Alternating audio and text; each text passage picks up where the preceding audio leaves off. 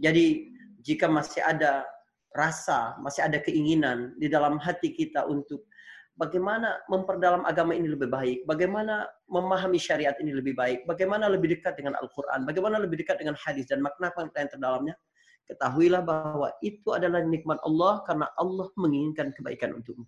Hari ini insya Allah kita bersama dengan ayat-ayat suci Al-Quran yang berkaitan dengan kisah Nabi Yunus alaihissalam. Saudara, sebagaimana pernah saya sampaikan dalam kelas-kelas tafsir, kisah memiliki porsi yang sangat besar di dalam Al-Quran. Sehingga kita menjadi bertanya-tanya, sebesar apa sebenarnya peran kisah ini di dalam pembentukan karakter manusia. Ketika kita melihat Al-Quran, buat teman-teman yang baru bergabung, ketika kita melihat Al-Quran, ternyata sedikit sekali. Isinya ini sedikit sekali sebagai sebuah kitab undang-undang, sebagai sebuah kitab pedoman hidup, dan dia menjamin akan menjadi petunjuk manusia dari sejak Rasulullah Wasallam diutus pada era itu. Bayangkan era yang sama sekali berbeda dengan era engkau hidup hari ini. Sampai nanti manusia pada hari kiamat. Kita tidak tahu bagaimana perkembangan teknologi, bagaimana tantangan, bagaimana peluang, bagaimana tabiat kehidupan, bagaimana interaksi manusia sangat jauh berbeda. Tapi Allah menurunkan Al-Quran hanya sebegini. Terdiri dari 6.236 ayat, 30 juzu, 60 hizib, 114 surah. ya Ini satu yang terbatas sekali kalau menurut pandangan kita. Tapi tidak. Allah subhanahu wa ta'ala telah turunkan segala yang berguna untuk memenuhi kebutuhan hidup manusia sebagai sebuah pedoman di dalam kitab ini. Artinya, tentu saja Allah sangat selektif memasukkan mana-mana saja isi yang akan diletakkan di dalam Al-Quran. Karena itu, Al-Quran dengan fungsi-fungsi yang besar berarti pilihan-pilihan Allah mana saja yang dimasukkan dalam kitab ini akan sangat luar biasa. Sebab Al-Quran disebutkan sebagai hudan, petunjuk. Bayinat, penjelasan bagi hal-hal rinci. Furqan, pembeda yang benar dan yang batil. Artinya standar, sebuah timbangan kebaikan dan keburukan. Syifa, terapi bagi banyak problem dalam kehidupanmu. Setelah itu, nur, cahaya, inspirasi yang menerangi kehidupan. Itu Al-Quran. Dalam fungsi-fungsinya yang besar, ternyata Allah memuat kisah-kisah di dalamnya lebih dari sepertiga Al-Quran. Artinya apa? Artinya di dalam kisah-kisah itu terdapat fungsi hudan, terdapat fungsi nur, terdapat fungsi syifa, terdapat fungsi furqan, terdapat fungsi bayinat. Subhanallah. Berarti kisah-kisah ini bukan kisah-kisah kosong, bukan. Maka semua ulama sepakat bahwa Al-Quran bukan kitab sejarah. Tetapi kenapa memuat banyak sejarah? Untuk pelajaran bagi manusia, untuk menjalankan peran-peran besar Al-Quran. Karena itu ketika kita bercerita tentang kisah-kisah Al-Quran, maka yang yang penting bukan bagaimana jalan kisah rincinya, eh, bagaimana tokohnya, bagaimana keadaan tempat, bukan. Yang paling penting setiap kali kita mulai membaca kisah Al-Quran adalah apa tujuan Allah mengisahkan ini kepada kita. Kita akan memulai dari ini. Apa tujuan Allah mengisahkan kisah Nabi Yunus? Al-Quran ketika bercerita tentang sesuatu,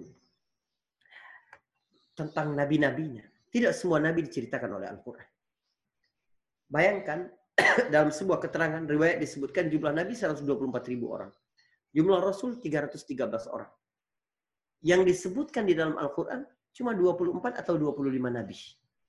Itu pun ada yang cuma disebutkan namanya. Tidak disebutkan kisahnya. Nabi Ilyasa, Nabi Zulkifli, tidak disebutkan kisahnya. Hanya disebutkan sekali namanya di dalam Al-Quran. Yunus ada disebutkan beberapa kali dalam Al-Quran. Bahkan ada surah yang bernama surah Yunus. Surah ke-10 dalam tertib Quran Mushaf Usmani surah Yunus ya sebagai sebuah nama surah. Berarti ada hal penting yang dapat kita ambil dari kisah Nabi Yunus alaihissalam. Secara umum, kisah tentang Yunus pribadi di dalam Al-Quran itu ada tiga kali. Yang pertama adalah di dalam surat Al-Anbiya ayat 87. Kemungkinan besar hari ini kita cuma bisa di surat Al-Anbiya ini. Yang kedua ada dalam surat As-Saffat ayat 139 sampai 142. Yang ketiga dalam surat Al-Qalam ayat 48. Apa tujuan Allah menceritakan kisah Yunus ini? Dalam kondisi sekarang, teman-teman sekalian, eh, jangan cuma membayangkan untuk Anda yang masih diberi Allah kemudahan dalam rizki, masih tidak terganggu penghasilan atau gaji, ya anda mungkin mengira bahwa ini hanya tentang bagaimana berada di dalam rumah yang sangat membosankan dan tidak bisa keluar. Sebenarnya perkaranya jauh lebih sempit dari itu banyak sekali ya ada mungkin jutaan orang yang terimbas uh, pandemi COVID-19 ini. Coronavirus ini luar biasa, virus corona ini luar biasa sekali. Mengubah budaya manusia. Ya. Membuat kita terlockdown dengan sendirinya. Terisolasi dengan sendirinya. Lalu, ini adalah saat yang tepat untuk membuka kembali kisah Nabi Yunus alaihissalam. Kisah Yunus pada hari ini ingin mengatakan kepada engkau. Engkau mengeluh ketika berada di rumah. Walaupun terbatas mungkin beberapa kebutuhan hidupmu. Walaupun mungkin engkau makan tidak semewah biasa. Engkau hidup tidak leluasa seperti biasa. Engkau tidak malu dengan Yunus alaihissalam, seorang nabi yang pernah menjalani lockdown, pernah menjalani kehidupan yang jauh lebih sempit, jauh lebih menakutkan, jauh lebih gelap dari apa yang kamu hadapi pada hari ini. Masya Allah. Saudara, berapa lama Yunus ada di dalam perut ikan? Di mana Yunus tinggal? Bagaimana hubungan Yunus dengan uh, umatnya? Ada hal-hal yang dirincikan oleh Al-Quran ada yang tidak. Kenapa? Karena Allah setiap kali menceritakan satu kisah, Al-Quran bukanlah kitab sejarah. Tujuan Allah bukan ingin membuatmu mengetahui detil peristiwa, bukan. Tujuannya adalah agar Allah Subhanahu wa taala memberikan pelajaran bagimu karena fungsi-fungsi besar Al-Qur'an juga terdapat dalam kisah ini. Mari kita sama-sama membaca eh, surat Al-Anbiya ayat ke-87 ini. Yang di rumah silakan buka mushaf. A'udzu billahi minasyaitonir rajim. Ayat 187 dan 188. A'udzu billahi minasyaitonir rajim.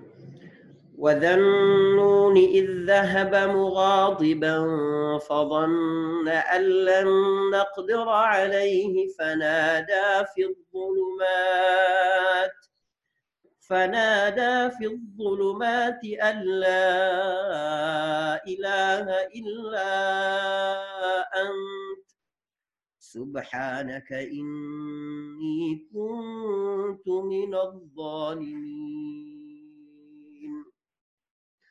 فاستجبنا له ونجيناه من الغم وكذلك ننجي المؤمنين dan Zunnun. Maksudnya Nabi Yunus alaihissalam.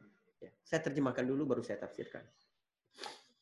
Dan Yunus ketika dia pergi dalam keadaan marah. Biasanya saya minta tolong Mas Bayu yang bacakan atau siapa dari peserta raise hand. Coba kita mau lihat uh, versi terjemahannya seperti apa ya. Saya pegang nggak terjemahan ini. Mas Bayu mungkin bisa bantu baca terjemahan surat Yunus ayat 87 88. Surah An-Anbiya ayat 87 yang artinya dan ingatlah kisah Zunnun Yunus ketika ia pergi dalam keadaan marah.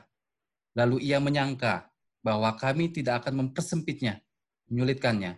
Maka ia menyeru dalam keadaan yang sangat gelap bahwa tiada Tuhan selain Engkau, Maha Suci Engkau.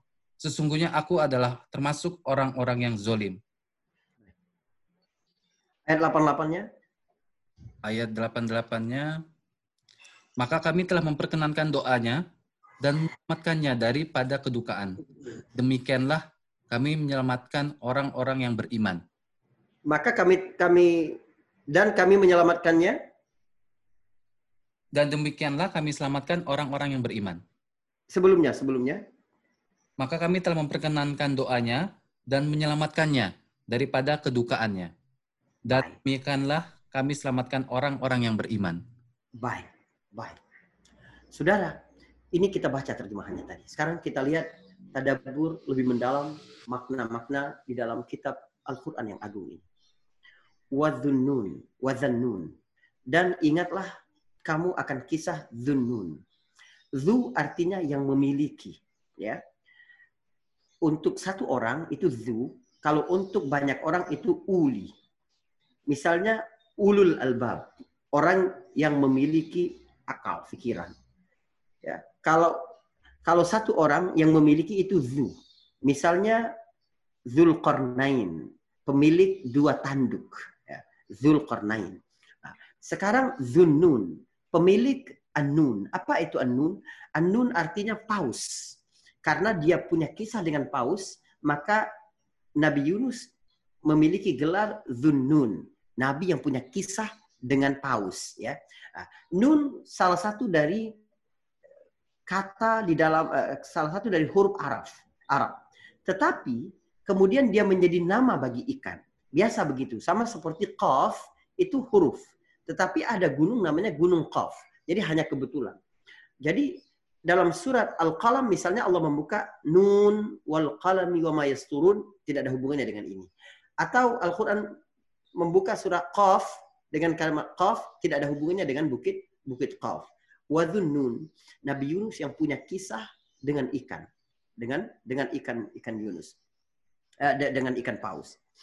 Izzahaba ketika dia pergi, mughadiban. Ah, perhatikan. Tadi di terjemahan disebutkan dalam keadaan marah. Marah dalam bahasa Arab itu ghadaba ya yaghdibu yaghdabu ghadiban. Ghadaba telah marah. Yaghdabu sedang marah, ghadiban dalam keadaan marah, orang yang marah. Tetapi ayat ini tidak berkata wazannuni idzahaba ghadiban. Kalau terjemahannya seperti tadi harusnya begini. Dan ingatlah akan kisah Yunus ketika dia pergi dalam keadaan marah. Dia marah, ghadiban. Tapi mughadiban artinya beda. Apa arti mughadiban? Mughadib ya. Kalau ghadiban itu berarti kata kerjanya, kata dasarnya ghadaba, marah. Tapi kalau mughadiban itu artinya kata kerjanya adalah eh, mughadiban kata kerjanya adalah ghadaba. Beda dalam bahasa Arab. Ghadaba artinya marah. Ghadaba, mar- kalau ghinnya panjang, ghadaba artinya saling marah. Artinya, dalam satu waktu, Yunus menjadi subjek, dalam waktu yang sama dia menjadi objek. Dalam satu waktu Yunus yang marah kepada kaumnya, pada waktu yang sama kaumnya juga marah kepada Yunus. Baik, artinya yang membuat hal utama Yunus pergi itu bukan dia yang marah kepada kaumnya, tapi kaumnya yang marah kepada dia. Perhatikan. Hijrah berasal dari kata hajarah. Hajarah artinya pergi. Hajarah artinya pergi. Tetapi orang-orang yang hijrah tidak disebut hajir bukan. Tetapi muhajir. Sama seperti seperti di sini mughadib. Apa eh, padanan katanya. Mufa'il dalam bahasa Arab ya. Mufa'il mughadib muhajir. Artinya ada makna saling di situ. Kenapa? Karena Nabi hijrah ke Madinah bukan kehendaknya sendiri mau pergi bukan. Tetapi orang menyuruhnya pergi. Jadi hajara artinya kabur pergi. Tapi hajara artinya diusir kata Nabi akhrajuni min akhrajuni min ahabbil baladi ilayya mereka telah mengusirku dari negeri yang paling aku cintai. Nabi tidak mau meninggalkan Mekah. Tapi perintah Allah kepada Nabi untuk hijrah karena kesempitan yang dilakukan oleh orang Quraisy karena mengusir Rasulullah SAW. Itu makna muhajir. Begitu juga qatala artinya membunuh. Qatala artinya saling bunuh, berperang. Jadi qatala membunuh dari satu pihak, tapi qatala berperang dari dua pihak. Jadi mughadiban jangan bayangkan Nabi Yunus marah tanpa sebab.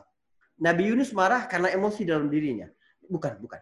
Tetapi yang pertama-tama adalah kaumnya. Kaumnya yang yang yang pertama celaka. Buka eh, di dalam surat Yunus ayat 98 ya surah ke-10 ayat ke-98 Allah Subhanahu wa taala berfirman begini. Falaula kanat qaryatun amanat fana'fa'aha imanuha illa qauma Yunus lamma amanu kashafna anhum adzabal khizyi fil hayatid dunya wa matta'nahum ila hin. Ya, apakah ada kata Tuhan? Kata Allah Subhanahu wa taala, apakah ada satu kampung ya yang dulunya ingkar lalu mereka beriman dan keimanan itu membuat mereka selamat. Artinya, pada umat-umat terdahulu, begitu umatnya durhaka, langsung Allah turunkan azab. Tanpa jeda. Tetapi ada satu kata Allah. Kaumnya Nabi Yunus. Kaumnya Nabi Yunus. Nah, Nabi Yunus sebelum pergi, karena kaumnya berkata, apakah orang biasa, manusia biasa seperti kami, ya itu mengajak kami untuk beriman kepada Allah Subhanahu wa taala mereka menganggap aneh. Harusnya yang diutus adalah malaikat misalnya. Nah, jadi kaumnya menghina, kaumnya mengejek, ya, kaumnya e, membuat marah Nabi Yunus, ya, e, merendahkan Nabi Yunus, lalu Nabi Yunus marah. Jadi sebenarnya pada orang biasa, apa yang dilakukan Nabi Yunus ini tidak tercela. Tetapi untuk orang sekelas Rasul seperti Nabi Yunus, harusnya dia sabar. Jadi jangan memandang bahwa Nabi Yunus ini nggak sabaran berarti tidak. Sama seperti kasus yang menimpa Nabi Muhammad SAW ketika diturunkan surat Abasa wa Tawalla. Ini ini gunanya kita belajar tafsir. Abasa wa Tawalla. Jadi suatu hari datang kepada Nabi pemuka-pemuka Quraisy. Nabi kan seorang manusia. Matematika manusia kan ada bahwa kalau sekiranya pemuka-pemuka kaum ini masuk Islam, tentu dia akan membawa banyak orang-orang para pengikutnya juga Islam. Maka wajar saja Nabi menjadi sangat antusias ketika orang-orang pemuka-pemuka Quraisy ini datang dan bertanya hal-hal agama ini kepada Nabi Muhammad SAW. Di tengah keadaan seperti itu, ketika Nabi sedang menerima delegasi-delegasi eh, pemuka-pemuka Quraisy ini, datang Ibnu Ummi Maktum, seorang yang buta, dan dia sudah Islam bertanya ke Nabi, memotong majelis ini, memotong pembicaraan dalam majelis Rasulullah bersama pembesar-pembesar ini. Sehingga Nabi berpaling dari Ibnu Umi Maktum. Maksudnya begini, nanti Ibnu Umi Maktum, nanti saja begitu. Aku sedang berhadapan dengan mereka gitu. Ya, jadi Nabi agak cemberut ya, lalu berpaling dari Ibnu Umi Maktum. Ternyata ini di, ditegur oleh Allah Subhanahu wa taala. Allah berfirman, "Abasa wa tawalla." Dia Muhammad telah bermuka masam dan telah berpaling. Ini bentuk teguran yang sangat sopan dari Allah Subhanahu wa taala. Saudara, kalau sekiranya yang melakukan ini manusia biasa, sangat dimaklumi. Karena Ibnu Ummi Maktum ya tiba-tiba datang, Nabi sedang bersama pemuka-pemuka Quraisy, artinya betapa terhormatnya majelis itu. Dalam Islam ada Bagaimana kita memperlakukan manusia seperti dia diperlakukan oleh kaumnya. Ya, nazilun nas manazilahum kata Nabi SAW. Perlakukan seseorang sebagaimana dia berhak untuk diperlakukan. Jadi bukan munafik ketika kita memperlakukan orang yang eh, lebih tinggi secara sosial begini, orang begini. Ah, ah itu itu dalam kehidupan budaya manusia itu itu satu yang ya sudah dikenal dalam dalam budaya dalam budaya manusia.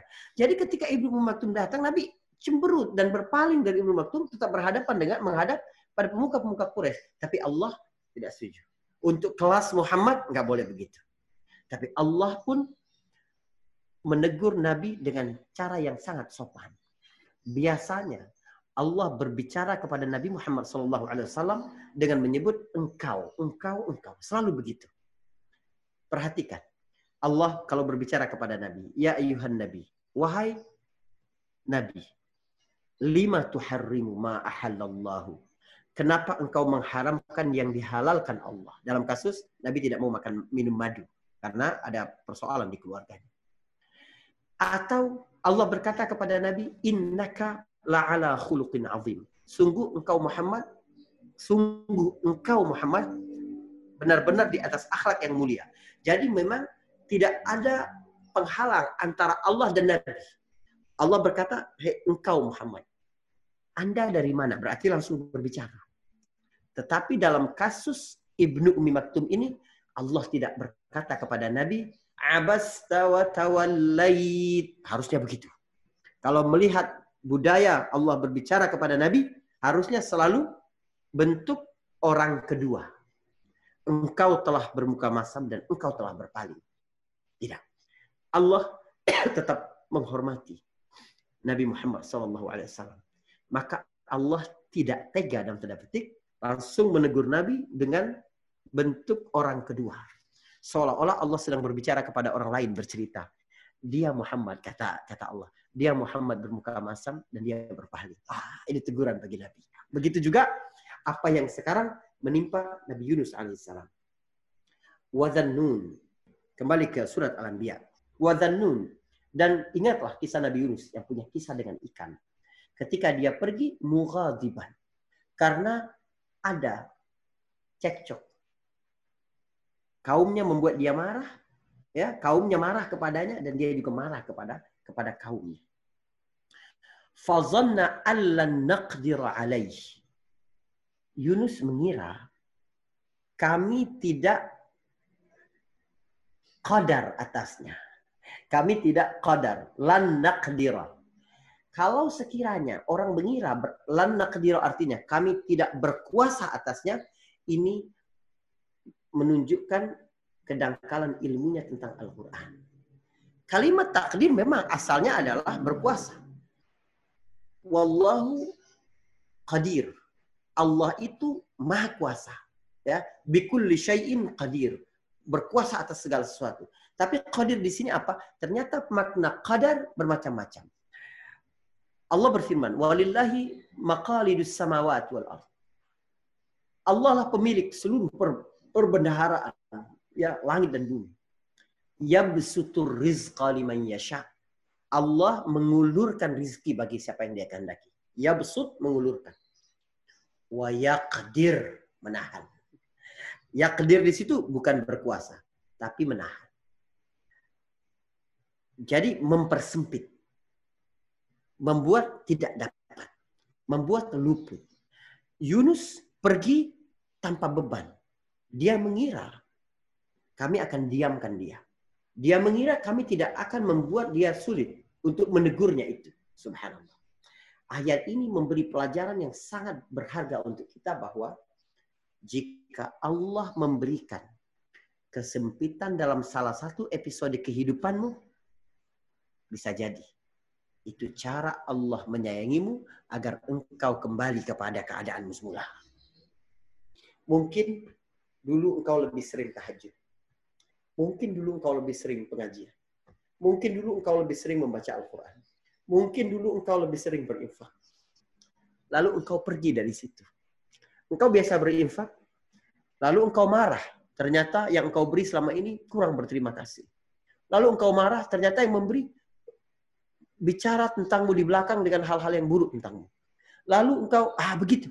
Engkau pergi, tidak lagi berinfak. Allah tegur engkau. Allah berikan kesempitan dalam kehidupan. Jangan mengira Allah tidak akan mempersempitmu. Kalau Allah sayang kepadamu, maka fazanna an lan naqdira. Yunus mengira kami tidak mungkin menegurnya dengan memberi kesempitan dalam hidupnya. Ya Allah. Tetapi bagaimana jenis kesempitan yang diberikan Allah kepada seorang hamba tergantung seberapa Allah sayang kepada hamba itu. Kenapa? Bagaimana logikanya? Allah Subhanahu wa taala kalau sayang kepada seorang hamba, dia akan sempit kehidupannya. Ah, ternyata ada hikmah di baliknya. Ketika Yunus berdoa, berharap kepada Allah Subhanahu wa taala dan melepaskan semua harapan-harapan kepada selain Allah Subhanahu wa taala. Ah, di sini rahasianya. Allah mungkin memberi kesempitan dalam hidupmu untuk memuliakanmu. Dengan cara apa? Hukum tentang izzah. Hukum tentang kemuliaan seorang hamba adalah semakin dirimu, perhatikan, semakin dirimu merendahkan diri di depan Allah Subhanahu wa taala, semakin Allah meninggikan engkau di hadapan manusia. Doa para nabi itu selalu begitu. Makanya Allah istijabah. Makanya Allah uh, jawab doa-doa mereka. Selalu mereka sebutkan betapa hinanya dirinya, betapa lemahnya dirinya, betapa butuhnya dirinya. Nabi Yunus akan berkata itu pada penggalan terakhir dalam doanya. Inni kuntu minal zalimin. Aku yang salah ya Allah. Aku ini yang hina. Aku ini yang rendah ya Allah. Nabi Adam. Rabbana zalamna anfusana. Ah, kami yang telah zalim ya Allah. Mengembalikan kepada dirinya. Wa illam taghfir lana. Kalau engkau tidak ampuni kami ya Allah. Ah, merendah, merendah, merendah, merendah. Allah akan naikkan. Nabi Musa ketika lari dari Fir'aun sangat lapar sampai ke negeri Madian. Ya, berjumpa dengan dua putri Nabi Shu'aib yang sedang mengambil air. Tidak mampu. Nabi Musa menolong dengan sangat tulus tanpa modus apa pun. Tapi Nabi Musa berdoa kepada Allah. Lapar sekali dia. Rabbi inni bima anzalta min bima anzalta min khairin fakir. Ya Allah, aku butuh banget ada kebaikan yang kau turunkan kepadaku. Maksudnya makanan. Setelah ayat ini, perhatikan. Allah bercerita tentang Zakaria. Wa Zakaria dalam ayat 89. Wa Zakaria iznada rabbahu. Ingatlah. ya Dan Zakaria ketika dia berdoa, menyeru kepada Tuhannya. Rabbila tadharni fardan. Ya Allah, jangan sampai aku selalu dalam kesepian sendiri. Tidak memiliki anak. Maka beri aku anak. Jadi, adab berdoa. Ini rahasia besar dalam berdoa. Kalau engkau mampu merendahkan dirimu serendah-rendahnya di depan Allah, maka Allah akan meninggikan. Bagaimana kesadaran itu muncul? Tergantung bagaimana kesempitan itu, ujian kesempitan diberikan oleh Allah Subhanahu wa taala. Kita kembali ke ayat 87. Eh, Fazanna allan naqdir alaih. Ah, dia mengira, kata kata Allah. Ya, kami tidak mampu membuat dia sempit. Kami tidak uh, dia mengira kami tidak akan menyempitkannya, mem mempersulitnya. Lalu kemudian ternyata dia sampai di dalam perut ikan. Di surah ini tidak diceritakan. Di surah apa diceritakan? Di surat As-Saffat ayat 139 sampai 142. Ya. 139 sampai 142 surat As-Saffat juz ke-23 itu. Kita lihat detail peristiwa itu di dalam surat As-Saffat. Baik, kita sampaikan juga. Semoga waktunya cukup. Uh, أعوذ بالله من الشيطان الرجيم وإن يونس لمن المرسلين إذ أبق إلى الفلك المشحون فساهم فكان من المدحضين فالتقمه الحوت وهو مليم فلولا أنه كان من المسبحين للبث في بطنه إلى يوم يبعثون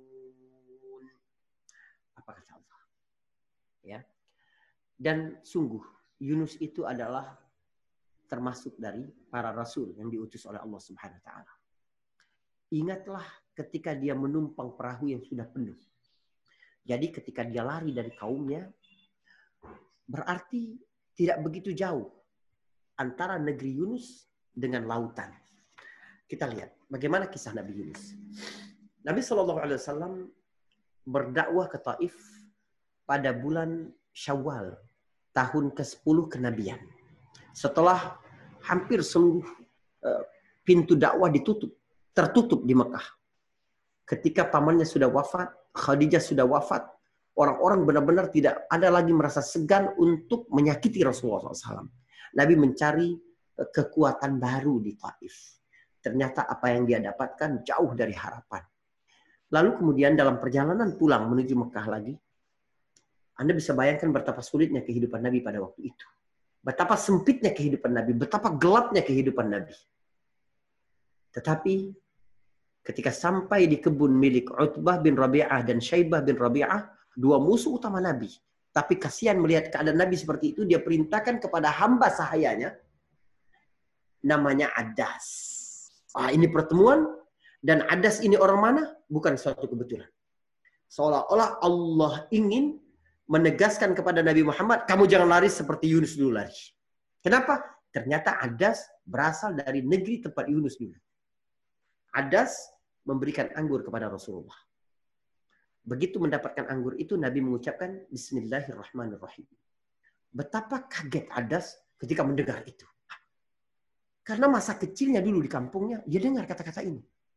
Tapi setelah dia berada, bekerja, menjadi hamba sahaya di Quraisy, di Mekah, di Jazirah Arab itu, di Mekah, dia tidak pernah dengar itu lagi. Tiba-tiba ada seorang manusia di depannya membaca dengan sangat fasih Bismillahirrahmanirrahim. Kata Adas, Wallahi, demi Allah. Inna hadal kalam ma yakuluhu ahlu hadal balad. Kata-kata ini bukan milik penduduk sini. Kata Adas. Maka Nabi bertanya, min ayyi baladin anta? Dalam riwayat lain, min ayyi ahli baladin anta? Engkau penduduk dari mana? Engkau berasal dari negeri mana? Adas menjawab, min Nainawa. Aku berasal dari Nenawa satu negeri di barat daya Mosul, Irak. Negeri yang sekarang terkenal dengan eh, kekayaan minyak luar biasa, Mosul. Jadi Nenawa di situ. Begitu Nabi tahu Adas berasal dari Nenawa, Nabi berkata, min qaryati rajulin salihin Yunus bin Mattah. Ah, kamu ini berasal dari desa seorang laki-laki saleh bernama Yunus bin Mattah, Nabi Yunus alaihissalam. Adas bertanya, Wama adraka ma Yunus bin Matta. Emangnya kamu tahu apa tentang Yunus bin Matta? Engkau tahu kisah tentang Yunus. Lebih terkejut lagi. Adas. Ada orang di Quraisy berasal dari Quraisy yang tahu tentang kisah Yunus bin Matta. Allah sudah turunkan, ya. Allah bercerita tentang Yunus empat kali di dalam Al-Quran, ya, empat tempat di dalam Al-Quran, tiganya Makiyah, di Mekah semua untuk menjadi pelajaran bagi Nabi tuntunan dalam berdakwah. Engkau pasti akan membuat kaum marah. Engkau pasti akan diusir, engkau pasti akan disakiti. Eh jangan Muhammad. Yunus juga begitu. Kamu lihat kisah Yunus ini. Dan sekarang keadaan Nabi sangat sempit. Gak bisa Nabi untuk uh, mudik, uh, pulang kampung maksud saya, pulang kampung ke Mekah setelah uh, terancam nyawanya. Bedakan antara mudik sama pulang kampung. Maka Nabi jangan lupa ini. Jangan lupa kamu uh, ada kisah Yunus bin Matta. Berarti Yunus berasal dari negeri Irak sekarang. Ada di dekat kota Mosul ada satu kampung namanya Nineveh. Tapi Nabi Yunus berjalan ke arah Laut Tengah. Ya, ke arah uh, Palestina situ. Nabi Yunus pergi ke situ dan menumpang sebuah kapal. Kapalnya sudah penuh. Penduduk di situ, ya, penduduk di situ jika terjadi sesuatu yang uh, membahayakan di kapal, mereka percaya ada orang yang berdosa yang ikut di kapal itu, maka diundi siapa yang uh, yang harus dibuang ke laut. Surat As-Saffat tadi, maaf. Fasahama di ayat ke 141, fakana minal mudhadin. Ketika diundi, nama Yunus yang keluar. Sementara selama perjalanan orang-orang melihat ini orang saleh. Terlihat orang baik itu terlihat dari aura wajahnya, dari ya, dari caranya bersikap, cara dia memperlakukan orang. Sehingga akhirnya diulangi lagi. Diulangi lagi sampai tiga kali tapi tetap nama Yunus yang keluar. Maka Yunus pun dimakan oleh ikan. Di ayat ke-142, fal Yunus pun dimakan oleh ikan. Yang tidak diceritakan Al-Quran apa? Kenapa Yunus sampai dimakan oleh ikan? Apakah Yunus dibuang oleh eh, penumpang kapal atau dia sendiri yang menceburkan dirinya ke laut? Ini menarik. Al-Quran kalau bercerita selalu ada bagian-bagian yang di skip agar akalmu bekerja. Selalu ada bagian-bagian yang di skip agar uh, imajinasi memperkuat kisah. Ini bukan menafsirkan dengan dengan dengan dengan eh, apa hawa nafsu bukan. Karena tidak dijelaskan oleh Al-Qur'an, maka kita tidak bisa memutuskan apakah Yunus ini akhirnya terjun sendiri karena namanya tiga kali keluar atau dia dibuang. Kemungkinan dua-duanya ada. Karena orang tidak mau melihat Yunus sangat baik, orang tidak mau membuangnya. Tapi Yunus tahu diri, maka dia sendiri yang Allah tidak ceritakan itu. Allah ceritakan, maka mereka pun mengundi dan keluar nama Yunus. Yunus kalah, maka dia pun dimakan oleh ikan. Subhanallah. Falaula annahu kana minal musabbihin di ayat 143. Maka kalaulah sekiranya Yunus itu tidak termasuk orang-orang yang bertasbih kepada Allah, lala bisa fi batnihi ila yaumi yub'atsu. Maka dia akan tetap berada di dalam perut ikan sampai nanti hari kiamat. Pertama, ayat ini menjamin bahwa Yunus sekiranya tidak keluar dari perut ikan, dia tetap hidup di situ. Ada sebab-sebab kehidupan dari dalam perut ikan. Yang kedua, Allah ingin menguraikan tentang betapa pentingnya kedudukan tasbih dalam mengeluarkan seseorang dari kesempitan hidupnya. Ah, ini yang benar. Tasbihnya seperti apa? Ah, kita buka kembali surat Al-Anbiya. Surat Al-Anbiya fazanna an lan naqdira alaih. Kembali ke ayat 87 tadi. Maka dia mengira kami tidak akan mempersempit hidupnya. Fanada fi zulumat.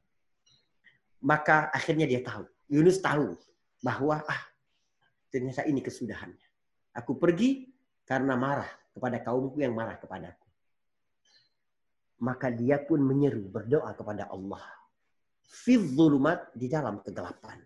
Coba lihat di terjemahan itu tadi. Dia menyeru di dalam kegelapan. Perhatikan. Di ayat ini Allah menggunakan kata zulumat, kegelapan, dalam bentuk plural, dalam bentuk zaman. Artinya ada banyak kegelapan. Allah tidak berkata fanada fidzulam. Maka Yunus berdoa menyeru kepada Allah di dalam satu kegelapan. Tidak. Tapi Allah sebutkan di dalam banyak kegelapan. Kalau dalam bahasa Inggris, kata cuma dibagi dua, tunggal dan plural. Dalam bahasa Arab tiga. Ada tunggal, ada dual, ada plural. Jadi ada mufrad, bentuk satu tunggal, ada musanna bentuk dua. Jadi dua orang belum banyak dalam bahasa Arab. Kalau dalam bahasa Inggris dua sudah pakai s, sudah menunjukkan plural. Tapi dalam bahasa Arab tidak. Ada kaidah bahasa yang berbeda. Tunggal, dual, dan plural. Mufrad, musanna, dan jamak. Zulumat, ya bentuk tunggalnya adalah zulm, zulm, kegelapan. Dua kegelapan, zulmani atau zulmaini tiga atau lebih zulumat.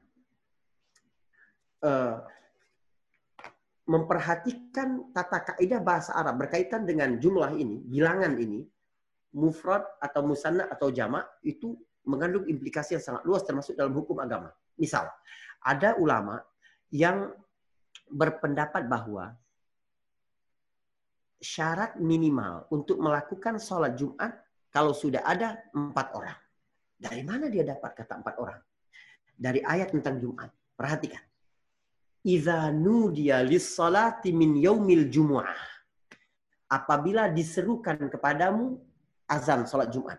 Apabila ada yang azan sholat Jumat. Nudia diserukan oleh satu orang. Ah, berarti satu orang. Yaitu orang yang menyeru. Iza nudiya salah min yaumil jumu'ah. Fas'au. Maka bersegeralah fas'au bersegeralah ditujukan kepada bentuk plural. Kalau fas'a maka berdua datang. Tapi kalau fas'au minimal tiga. Apabila dipanggil untuk azan, berarti ada satu orang yang memanggil. Fas'au maka bersegeralah minimal tiga orang. Berarti empat. Maka minimal Jumat boleh empat menurut pendapat ini. Karena apa? Karena eh, tata bahasa Arab tadi. Subhanallah. Memang dalam sekali bahasa Arab. Fanada fi zulumat. Dan Yunus menyeru Allah Subhanahu wa taala di dalam kegelapan.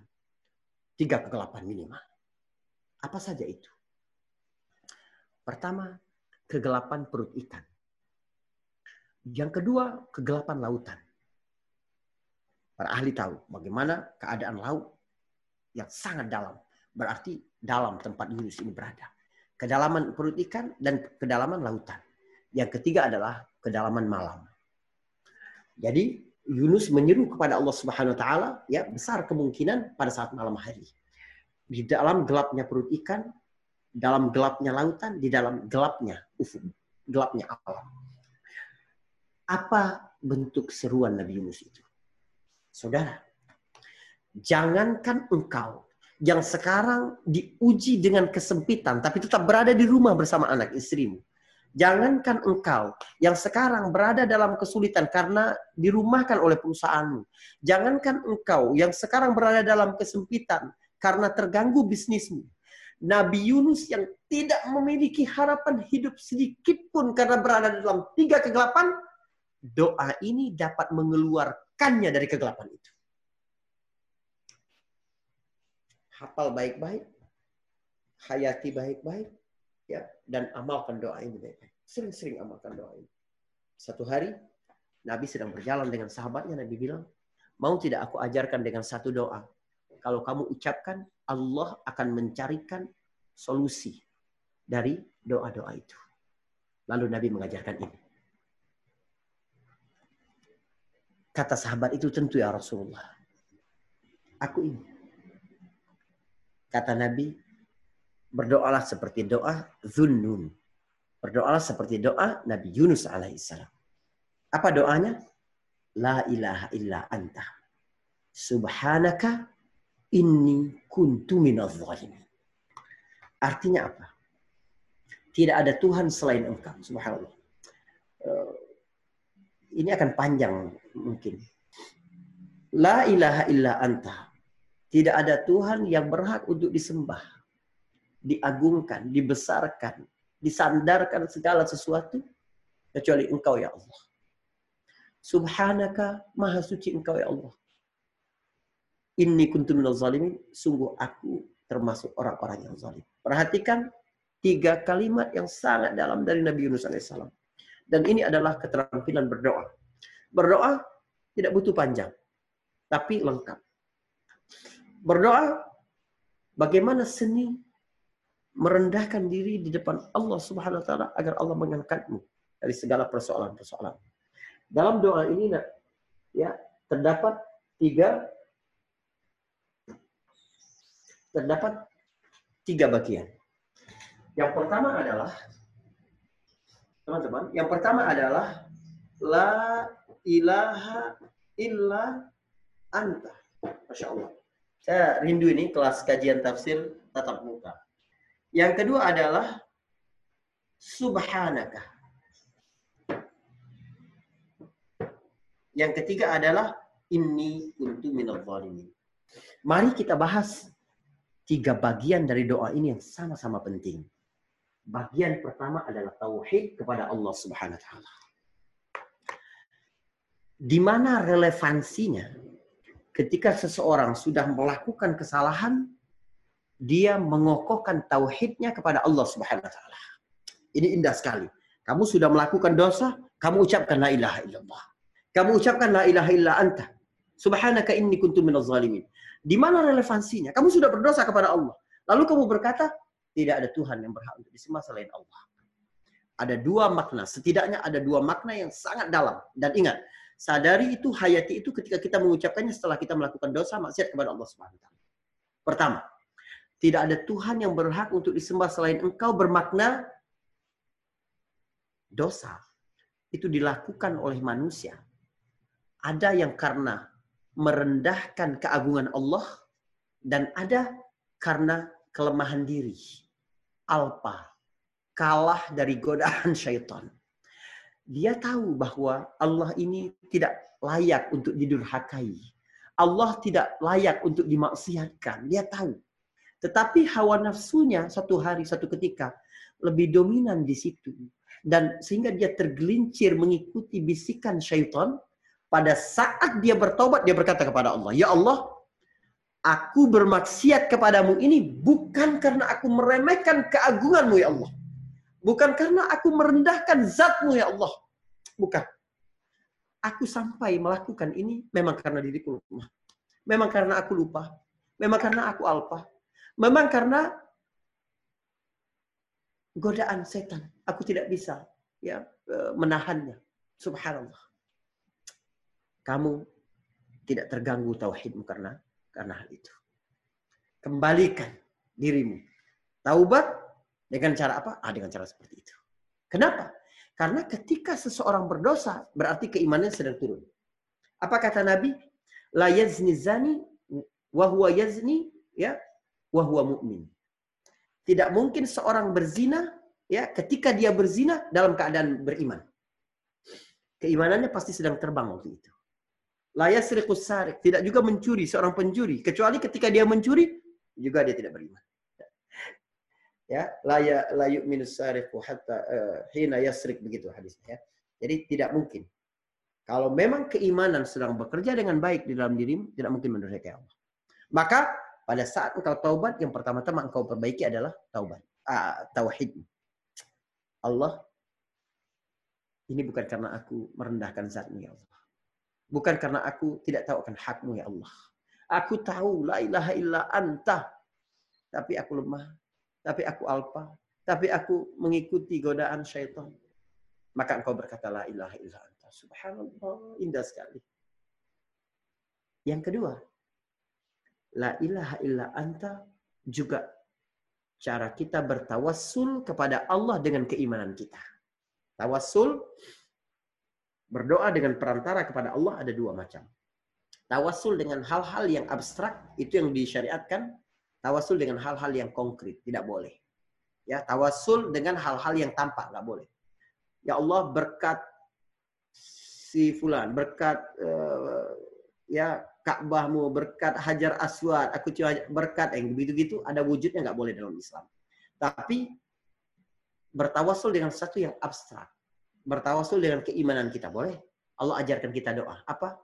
Rabbana amanna faghfir lana. Ya Allah kami sudah beriman ya Allah. Maka ampunkanlah dosa kami. Makna doa itu dalam. Bahwa keimanan bukan membuat orang maksum. Tapi ah kami sudah punya modal iman ya Allah. Kalau kami terpleset dalam perjalanan melakukan dosa, ampuni kami ya Allah. Karena kami kan beriman kepada Engkau ya Allah subhanahu Ya, ah, itu juga guna la ilaha illallah. Seolah-olah engkau sedang berkata kepada Allah subhanahu wa ta'ala, Ya Allah, sebesar apa pun dosa-dosa dan kemaksiatanku kepadamu, aku tidak pernah sujud kepada selain engkau. Ah, la ilaha illa Pertama tadi apa? Pertama tadi, aku ini terlakukan pekerjaan dosa bukan karena aku merendahkan hakmu ya Allah. Bukan karena aku merendahkan keagunganmu ya Allah. Melecehkan keagungan. Bukan karena aku yang lemah. Yang kedua, walaupun aku melakukan banyak ragam dosa ya Allah. Tapi kalau syirik tidak. No. Aku nggak mungkin syirik. La ilaha illa anta. Inilah nikmat tauhid. Nikmat yang sangat mahal yang Allah berikan kepada seorang hamba.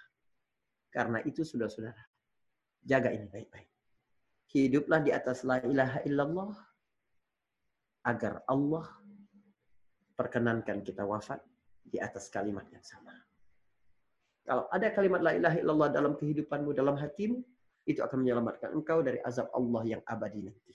Kalaupun engkau dibersihkan di neraka Allah, tapi tempat kembali utamamu yang kekal adalah surga. Ketika Nabi Shallallahu Alaihi Wasallam menjumpai sang pamannya Abu Talib dalam keadaan sekarat, Nabi merasa sangat sayang karena ini paman sudah berkeringat, sudah sangat letih, pernah lockdown dari Muharram tahun ke-7 sampai tahun ke-10 Abu Talib ini. Ikut diboykot oleh orang-orang Quraisy. Sampai makan daun, sampai makan kulit kayu kata para sahabat. Abu Talib sakit-sakitan pasca lockdown itu. Setelah, setelah isolasi itu. Tapi beberapa detik menjelang ajalnya dia masih tidak beriman kepada Rasulullah. Tidak beriman kepada Allah. Tidak memiliki la ilaha illa anta ini. Tidak memilikinya. Jadi Nabi merasa sangat sayang. Engkau sudah berkorban banyak sekali, Paman. Kira-kira begitu. Maka Nabi berkata, paman, cukup bilang la ilaha illallah. Selebihnya aku yang akan membelamu di depan Allah. Asal adalah ilaha illallah dalam dada kita ini. Insya Allah. Kita akan memperoleh syafaat Rasulullah SAW. Tapi benar la ilaha illallah dalam hati. Inilah makna yang dalam dari la ilaha illallah. Dan masih banyak lagi. Ya, sayang waktunya kita agak, agak panjang. Yang kedua adalah subhanak. Subhanak bagian tengah dari doa. Bagian kedua dari doa ini adalah Maha suci Engkau ya Allah. Berkali-kali saya sampaikan ya pernah dalam kelas tafsir apa itu tentang subhanallah. Tentang makna subhanallah. Maha suci Allah. Secara ringkas saya sampaikan lagi di sini subhanallah berarti kita yakin dengan sepenuh keyakinan bahwa Allah tidak mungkin memiliki kekurangan, tidak mungkin memiliki sifat jahat, tidak mungkin memiliki keterbatasan. Allah, jika aku sekarang berada dalam kesulitan ini, tentu bukan karena engkau jahat ya Allah. Engkau pasti menginginkan kebaikan untukku agar kau kembali. Aku kembali ya Allah. Nih, aku kembali ya Allah. Aku memujimu kembali. Aku bertasbih kepadamu kembali ya Allah. Hukum tentang berprasangka baik kepada Allah terangkum dalam kalimat subhanak. Apa pun yang terjadi ini untuk kebaikan. Semuanya. Semuanya untuk kebaikan. Walaupun di mata manusia jelek. Inilah makna wa asa antakrahu syai'an wa huwa khairun lakum. Bisa jadi kamu benci sesuatu. Tapi ada kebaikan di kamu. Bisa jadi pakai asa, saya jelaskan uh, dalam kelas online dulu. Beda dengan la'alla. La'allakum tattaqun. Semoga kamu bertakwa. Asa, semoga itu baik bagi kamu. La'alla dengan asa berbeda. Asa, kalau kemungkinan terwujudnya sangat besar itu asa. Kalau la'alla tidak. Artinya tidak semua orang berpuasa bisa menjadi pribadi yang bertakwa. Ada perangkat-perangkat lain lagi. Sehingga seseorang puasanya dapat membuat dia naik kelas menjadi orang yang bertakwa. Tapi kalau asa kata Allah bisa jadi, bisa jadi yang bilang itu adalah Allah yang maha kuasa atas segala sesuatu.